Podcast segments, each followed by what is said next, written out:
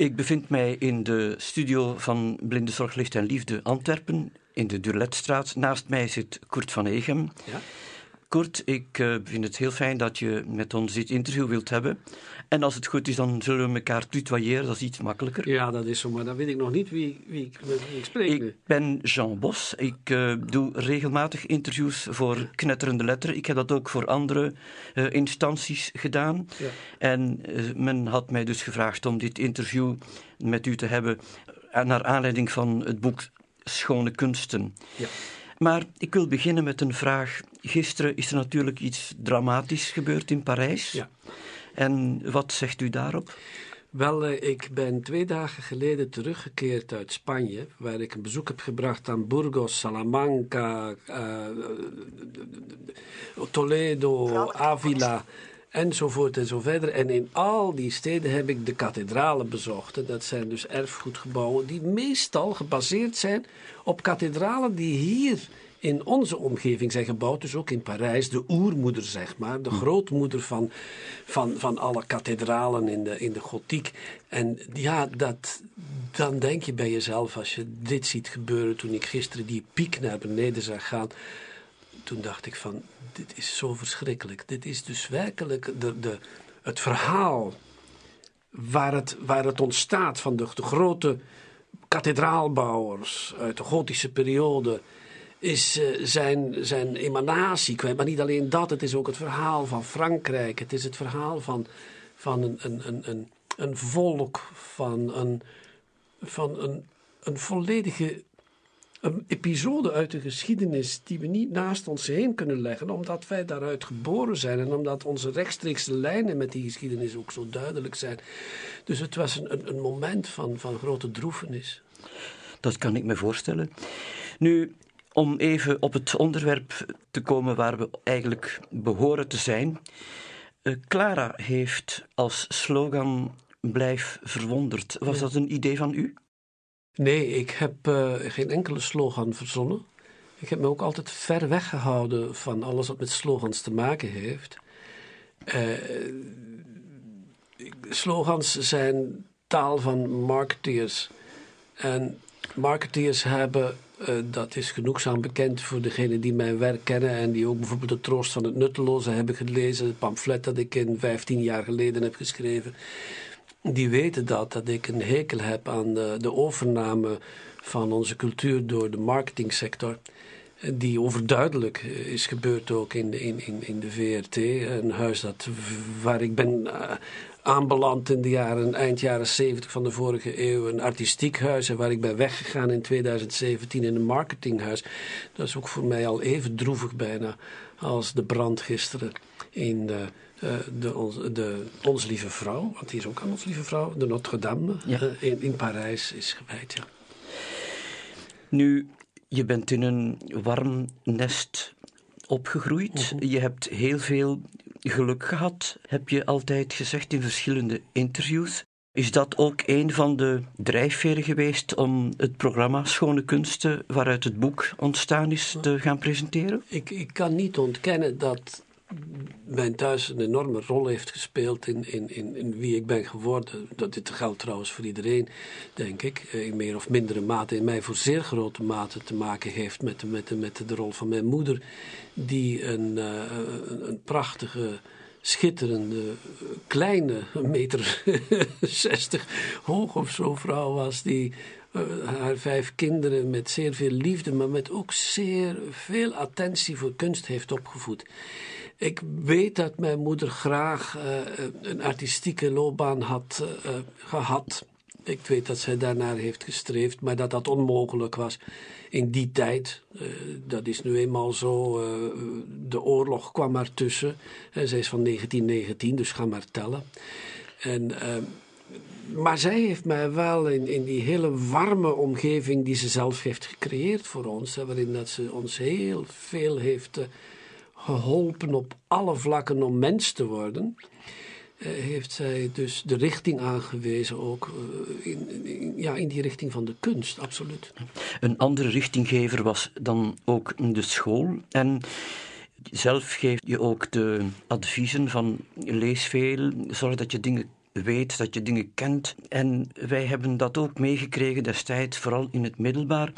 Denk je dat uh, het toch de generaties zijn van het interbellum en van toch een bepaalde tijd na de Tweede Wereldoorlog die dit soort adviezen altijd hebben meegedragen? Of denk je dat het al eerder oh, dat zal... ook ongetwijfeld al eerder zo geweest zijn hoor. Als ik u mag onderbreken, excuseert u mij daarvoor. Maar dat zal al eerder gebeurd zijn. Maar het is ook zo dat. Uh, dat dit ook voortgezet wordt. ik ben geen doemdenker. Ik ben absoluut geen doemdenker. Ik kom ook nu jongens en meisjes tegen die nu 17, 18 jaar zijn en waarvan ik verbaasd ben van hoeveel kennis ze al bezitten en uh, hoe, hoe, hun interesse ook in kunsten al is geëvolueerd. Zelfs op een maat waarvan dat ik denk van, god, toen ik die leeftijd had, wist ik dat allemaal nog niet. Dus, uh, maar alleen heb ik ook wel een klein beetje het gevoel dat dat zeldzamer is geworden. Uh, dat er niet, niet zo'n groot aantal, de aantallen verschillen. En ben ik ook wel op mijn hoede voor een beetje de teleurgang van het onderwijs. We merken het dagelijks in de kranten en in de radio en televisie wordt er uitgebreid over gesproken, over het feit dat de taalkennis van onze kinderen vermindert, dat het leesvermogen vermindert. En, en, en, en dat zijn natuurlijk teleurstellende berichten. Maar zelf ben ik geen doemdenker. Ik denk dat we dat kunnen omdraaien. Ik geloof, in, ik geloof absoluut in de jeugd. Uh, alleen moet, moeten we er wel voor zorgen dat we ons onderwijs ook niet gaan vermarkten. Want ook daar zijn de marketeers, liggen ze op de loer om via de grote poort naar binnen te stappen. En daar wil ik telkens weer voor waarschuwen.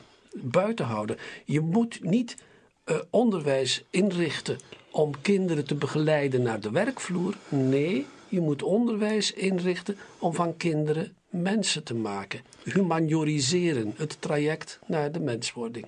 Hm.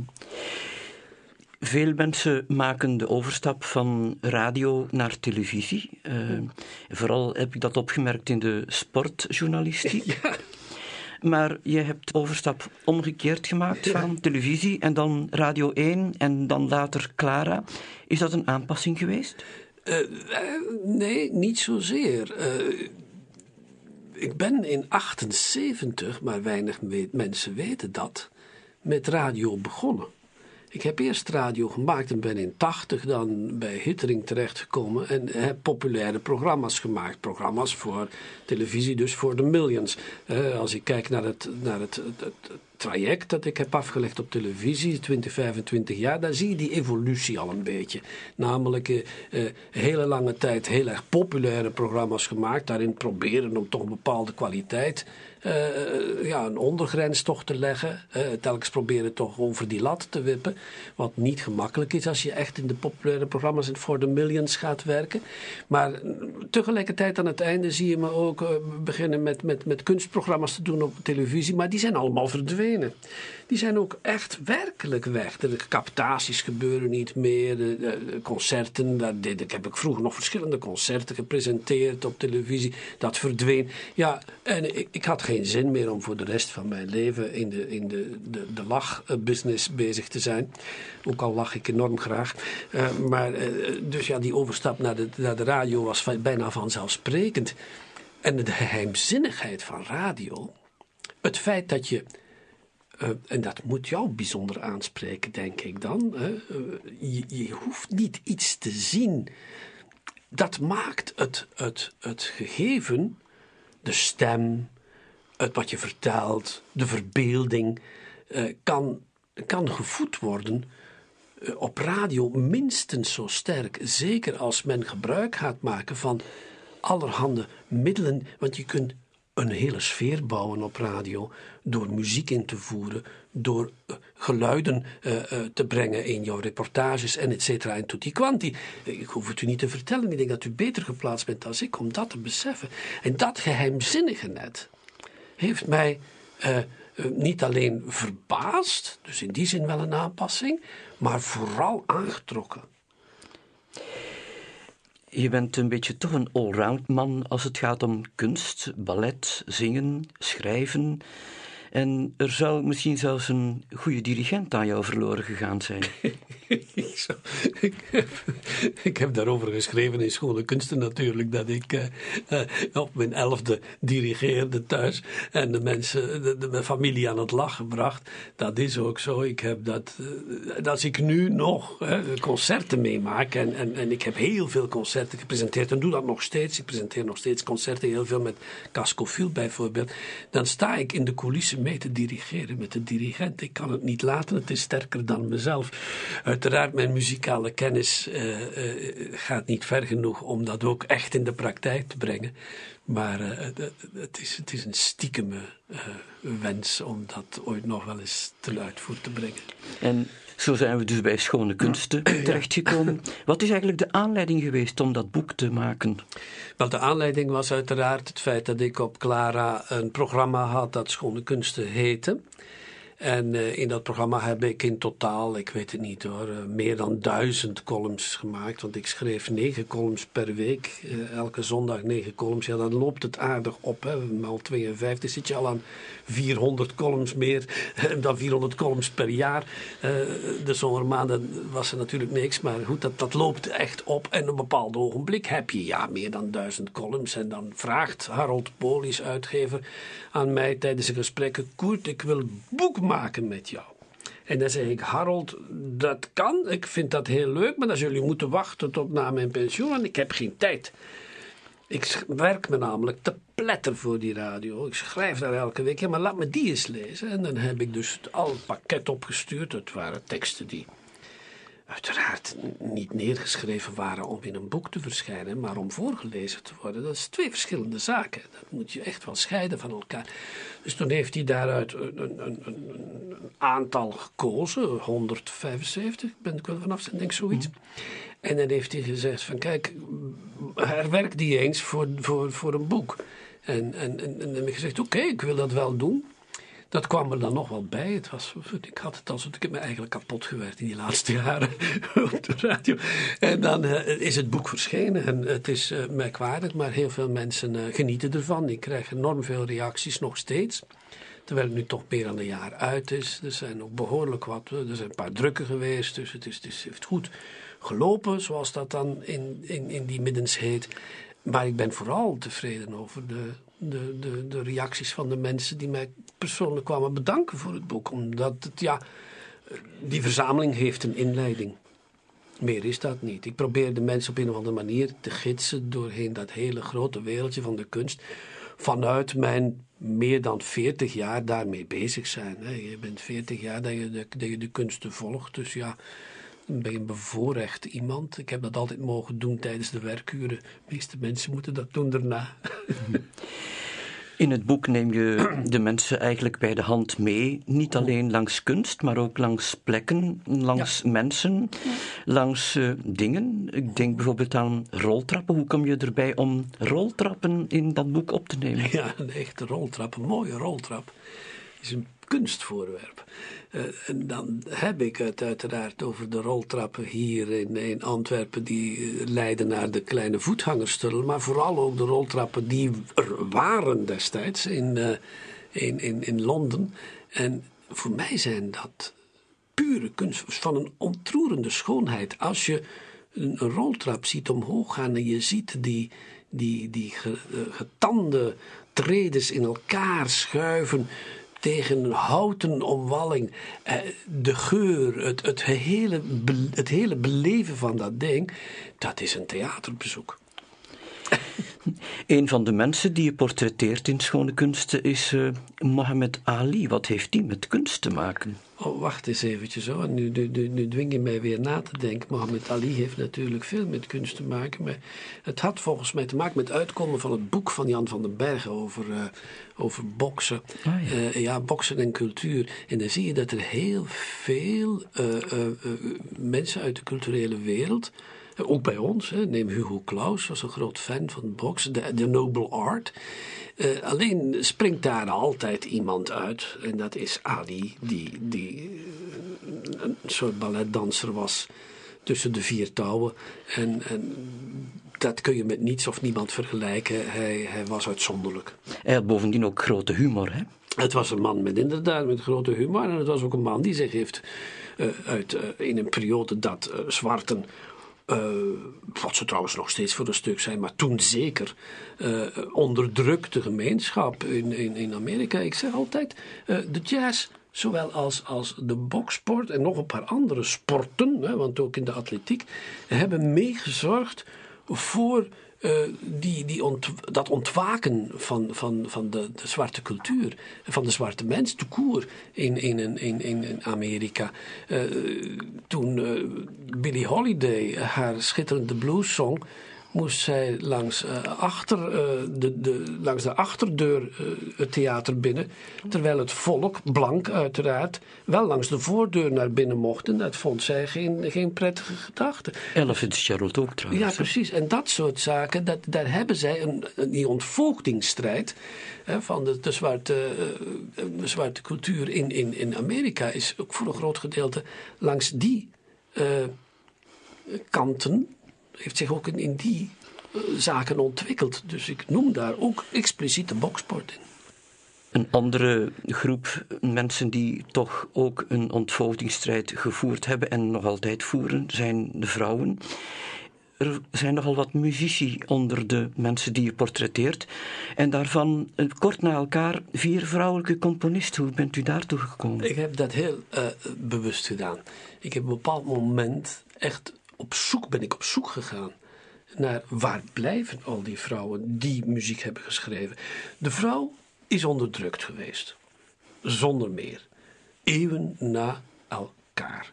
Dat betekent dat een vrouw die gaat dat, dat, het was onmogelijk dat een vrouw kon, kon bezig zijn met kunst. Je, je ziet het ook bij Mendelssohn bijvoorbeeld. Fanny Mendelssohn was een voortreffelijke componiste, maar moest natuurlijk de plaats ruimen voor haar broer. En zo zijn er verschillende uh, uh, voorbeelden te geven. En, maar, maar als je kijkt naar de vrouwelijke componisten en wat zij hebben gepresteerd. Ja, Lily Boulanger beschrijf ik in mijn boek dat is van een ontroerende schoonheid die helaas te vaak onbekend is gebleven. Maar wat zij in dat hele korte leven van haar heeft geschreven, dat staat op de hoogte van, van alle grote uh, uh, tijdgenoten. En Nadia heeft ook veel mannen tot. Uh... Haar zus Nadia Boulanger ja. heeft inderdaad ook heel veel, heeft in wezen kun je zeggen, de, de componisten van de 20e eeuw opgeleid. Ja. Een ander punt in je boek is een heel klein schilderijtje van een jongen van 12. En je komt daar regelmatig op terug in interviews. Wat is daar zo mooi aan, dat schilderij?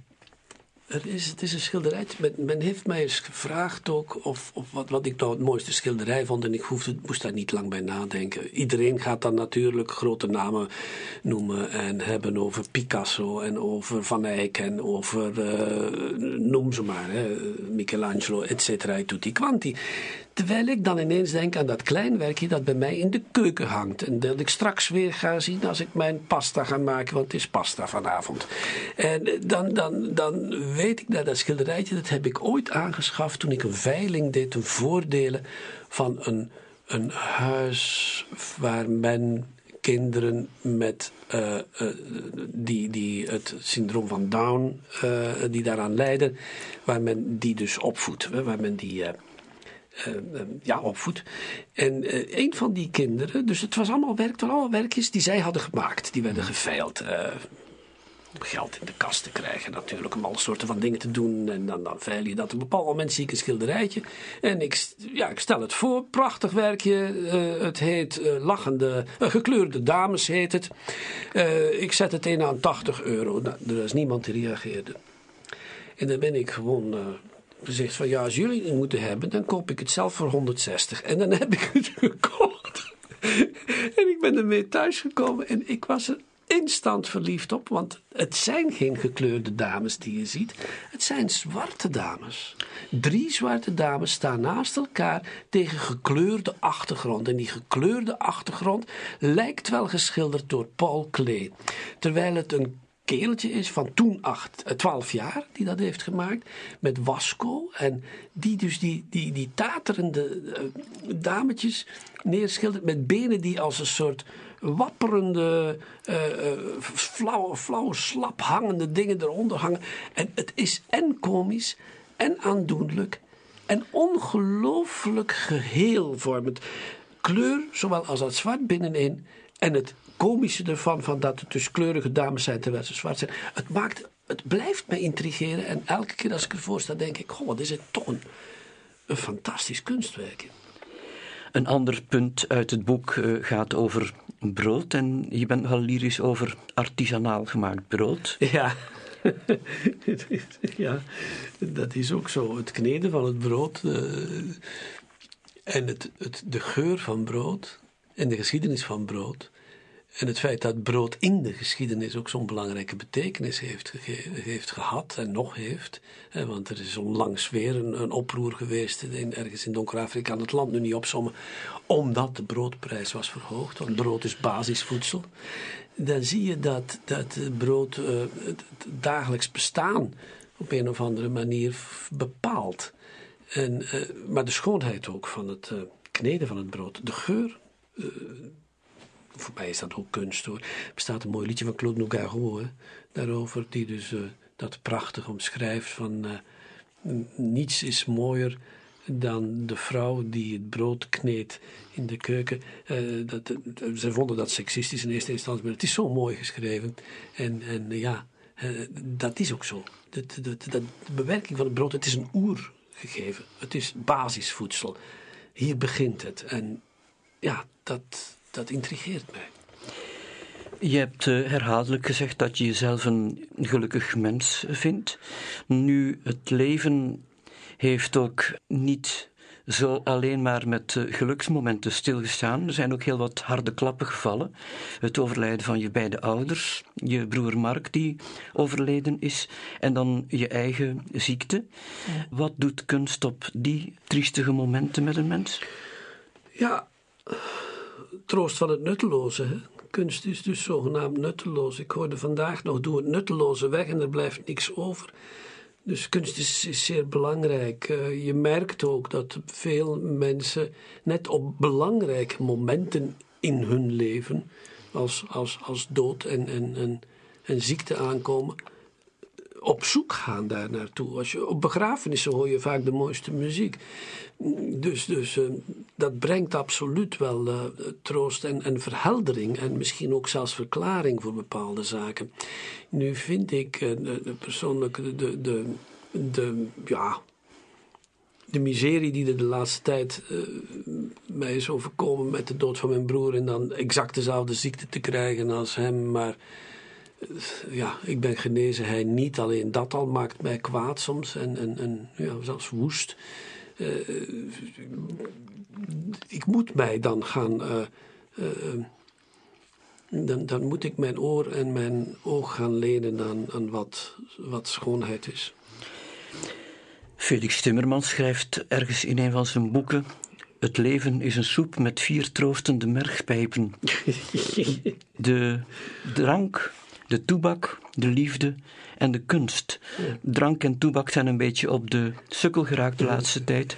maar doe ik al lang niet hoor. Maar de liefde en de kunst zijn dat inderdaad twee troostende mergpijpen in het ja, leven? Zeker, zeker, zeker. Dat is absoluut zo.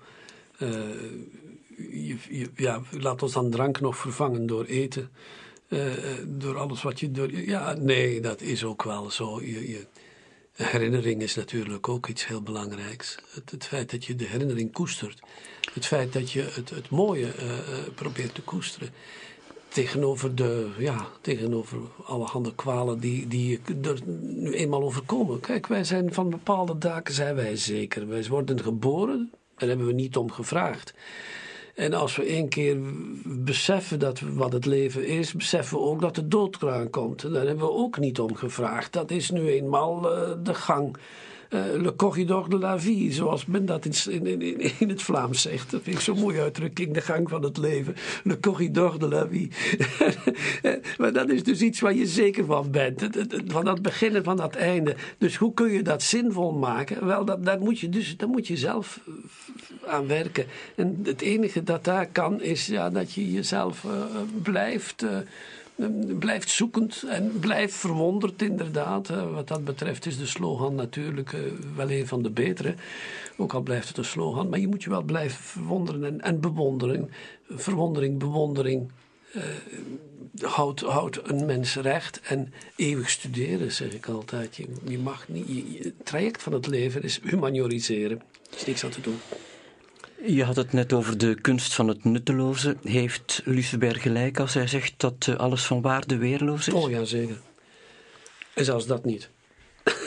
Alles van waarde is weerloos en zelfs dat niet. Ja. en zelfs dat is, ja, precies. Ja, je- ziet ook hoeveel van het weerloze dat er verdwijnt. En daar hebben wij de neiging eh, om ons daaraan, we hebben de neiging om ons daar als mens aan vast te klampen en om boos te worden daarover. Maar tegelijkertijd, en nu komt de positivist in mij naar boven, komen er elke keer weer nieuwe waardevolle dingen aanzetten die hun plaats opeisen en die die plaats ook meestal krijgen, omdat er een draagvlak voor is, of hoe heet dat tegenwoordig. En die zullen dan ook wel weer verdwijnen. Kortom, alles van waarde is weerloos. Alles wat je. Kijk naar de kerk, die gisteren is afgebrand. Wat doe je daartegen? Dat is. Ja. Is, eh, misschien is dat begonnen met een genster van een van die mensen die, eh, eh, die daar aan het werken zijn. Ongelukje, foutje. Ja, en het verbrandt en het, en het, en het verdwijnt. Het is een heel dat gigantische stuk geschiedenis gaat werkelijk in rook op, letterlijk in de vlammen op. Dus weerloos, ja. Je hebt onlangs afscheid genomen van Clara, maar je bent niet eh, op je lauweren gaan rusten. In de tijd van je ziekte ben je ook naar Litouwen gegaan om daar een boek te schrijven. Wat heeft, wat heeft Kurt van Negen met Litouwen? Wij moeten de vraag misschien omdraaien en ons gaan zeggen: wat heeft Litouwen met ons? En dan, als je dat goed bekijkt, moet je toegeven heel veel. Litouwen is momenteel een onogelijk landje. Het is even groot als België en Nederland samen, maar er wonen niet eens 3 miljoen inwoners. Dus het is wel heel klein. Maar het was ooit het grootste land van Europa. Het reikte van de Baltische kust tot aan de Krim. Dus ook Minsk en, en Kiev. Dat was allemaal Litouwen. Het is ook het land waar eh, de laatste pagans, de laatste heidenen woonden. Het is ook het land, het meest noordelijke barokland. Het is een land waar men cultuur en kunst voorop zet. Het is een land dat nu in, tot Europa weer behoort, tot het nieuwe Europa, tot de EU. En dat dat doet met volle overtuiging. Iets waar wij zouden moeten jaloers op zijn. Iets waar wij, dat Europese project, zij hebben dat begrepen. Wij niet meer.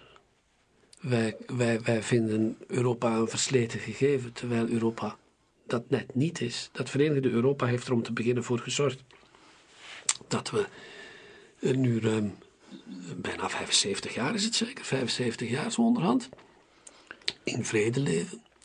Heeft ervoor gezorgd dat er voorspoed is, dat er een welvaart is gekomen, dat die welvaart ook voor een groot gedeelte verdeeld is. Er valt overal te verbeteren hoor, pas op, er is werk genoeg aan de winkel en we moeten ook keihard opletten voor, voor uh, de, de, de, de, mensen die er alles aan doen om weer uh, alles voor zich op te eisen en en het sociale te vergeten. Dat is volop bezig. Uh, maar goed, dat kan gekenterd worden. Dat, dat gaat in golven, denk ik altijd. Maar Europa is daarin heel erg belangrijk. Dus dat is daarom dat ik die vraag ook eerder omdraai. Laten we eens kijken. Waarom hebben wij dat Litouwen nodig? Omdat het een, een heel mooie spiegel voorhoudt. Van hoe het, hoe het ook, ook, ook zou kunnen. En omdat het een fantastisch land is. De wind, de wind heeft mij in het oor gefluisterd dat je het daar niet bij laat, maar je gaat ook nog doctoreren. Laat ons hopen. Ik moet afwachten of het doctoraataanvraag wordt goedgekeurd. Hè. Dus dat is een zeer belangrijke, dat is een goede wind die u is toegewaaid, maar ik hou ermee rekening nog steeds tot pakweg 2 mei. dat, dit, dat, dat ze zeggen van het gaat niet door. Maar in principe ja, ga ik dus de komende vier jaar werken aan een studie over uh, Mikaloios Konstantinas Tchourlionis, een Litouws schilder componist en ook schrijver, dus een triple talent. Uh, die leefde van 1875 tot 1911. Die geniaal uh, kunstenaar was. En een held trouwens in zijn land. Die in allerhande musea, die heeft zijn eigen museum uiteraard daar. En, en, dat is ook echt een, een, zeer bijzondere kunstenaar. Wiens muziek mij aanspreekt, wiens kunstwerk zijn aanspreekt. Wil ik gaan onderzoeken hoe die man in die periode toen Litouwen behoorde tot het Tsarenrijk, want het was ingenomen door de Tsaren, hoe zo iemand streefde naar de Litouwse identiteit, dat in zijn werk ook toont, die, die zeer beïnvloed door een nationalisme, maar tegelijkertijd een groot cosmopoliet is. Een man die weet wat er in de wereld gebeurt, die weet wat er in Parijs en in Brussel en in uh, Leningrad, Sint-Petersburg op dat moment nog liever, wat daar aan grote kunstbewegingen bezig is. En die dat heel erg kritisch ook opvolgt en daarnaar leeft en heel erg vooruitziend is. Dus de cosmopoliet tegenover die nationalist. Dat snijgebied wil ik gaan onderzoeken. Zo te horen ook weer iemand die erg jong overleden is, net zoals Mozart en een van uw uh, grote fan, favorieten, Schubert. Schubert, ja. Ja, nu, ik, ik vind het altijd bijzonder om te zeggen vroeg overleden. In het geval van Mozart 36 jaar, Schubert 31. Ja, dan moet je ook in ogenschouw nemen dat op dat moment, in dat tijdvak waar die mensen leefden, de gemiddelde leeftijd bij Mozart 10 jaar hoger was, ongeveer 46 jaar. Dus het is een beetje dubbel, hè? Ik, ik ben dus nu al in spare time en al een hele tijd in. ben ik voorbij de, hoe noemen ze dat? Uh, dan kom je in de, in de, in de magazijnen, kom je in, in de winkels, kom je terecht in het. Uh, de vervaldatum bereikt. Hè? Ja, best before. Ja, ja dus de, het leven begon ook vroeger. Zij, zij zijn ook allemaal ja, kijk naar Mozart vooral. Hè. Schubert ook al, hè. heel vroeg aan het componeren. Dat, dat zijn mensen die dus heel snel resultaten uh, halen. ook Schubert had op zijn zeventiende zijn eerste symfonie al klaar. Kortom, uh, uh, je moet het in dat perspectief zien. Net daar tegenover staat dat die Ciurlionis geen late roeping was. Nee, verre van. Maar wel een man is die zich heel lang heeft verdiept. Omdat hij zowel in de beide belangrijke disciplines, dus schilderkunst, zowel als uh, muziek, componeerkunst, gaan studeren is in Warschau, in uh, uh, Leipzig. dus blijven studeren is aan de hogescholen om, om, om, om zich te bekwamen. Om zijn vak echt helemaal onder de knie te krijgen. Dus het, het, heeft wel vrij lang geduurd. Hij heeft gewoon een hele korte tijd, maar echt als, als, als vrij kunstenaar gecomponeerd en geschilderd. En toch blijven daar een 400-tal schilderwerken en een 170 opusnummers over, wat een niet geringe productie is voor iemand die 35 jaar is geworden. Kurt van Egem is uh, zo te horen iemand die veel gelezen heeft, die ook adviseert om uh, goed te lezen. Is er op dit moment een boek dat op je nachtkastje ligt, waar je mee bezig bent? Ik zit niet zo ver van Litouwen, ik ben in Polen, ben ik aan het lezen. Maar de grote moeilijkheid is dat ik de naam van de mevrouw zo telkens weer vergeet. Maar zij schrijft een vuistdik boek, 900 en pagina's, over de 18e eeuw en over een, een, een, een Joods. Uh, een Messias. Er zijn veel van, weet, de Joden die wachten op de Messias. De katholieken die hebben een Messias al gehad. Maar de Joodse godsdienst denkt dat die Messias kan komen. Dus die verwachting blijft daar groot. En, en er zijn verschillende die zich gemeld hebben uh, gedurende de voorbije eeuwen. En zoals er ook iemand in, in Polen zich heeft gewerkt, heeft, die zich heeft gemeld. Uh, uiteraard een, een kwakzalver, maar zeer goed uitgekiend. Maar wat zij dan op dat moment doet, is het bijna schilderen van dat hele tijdvak. Van die 18e eeuw. Je ziet de dingen voor je gebeuren zo duidelijk, tegelijkertijd zo kritisch. En geeft ook aan wat de houding was tegenover de Joodse cultuur, en antisemitisme en noem maar op. Eh, het heeft trouwens behoorlijk wat stampij veroorzaakt, letterlijk, in, in, in Polen. Er zijn, er zijn uh, optochten geweest. zij heeft Mijn Booker Prize gekregen en zo. voor vertaalde werken. Dus zij is echt wel een gerespecteerde journaliste, maar zij wordt zeer zwaar bekritiseerd, zeer zwaar aangepakt, net omwille van het feit dat ze haar standpunten zo goed en zo onverbloemd weergeeft. Ze is heel kritisch in die periode voor haar eigen volk. Eh, eh, maar het is vooral schitterend geschreven. Als je een stoet ziet passeren, je hoeft echt, je hoeft echt, mag ik het even zo zeggen, je hoeft niet te zien. Je leest het zicht. Het komt voorbij. Het is van een onwaarschijnlijke schoonheid. Kurt van Egem, ik vind het heel fijn om dit gesprek met jou gehad te hebben. Ik wens je nog heel veel succes en mag hopen dat het doctoraat doorgaat. Ik ook, ja. En ik hoop dat je nog lang uh, veel werklust en ijver mag hebben. Het doet mij veel plezier dat u mij dat toewenst. Ik ga er proberen naar te leven. Dank je wel. Graag gedaan.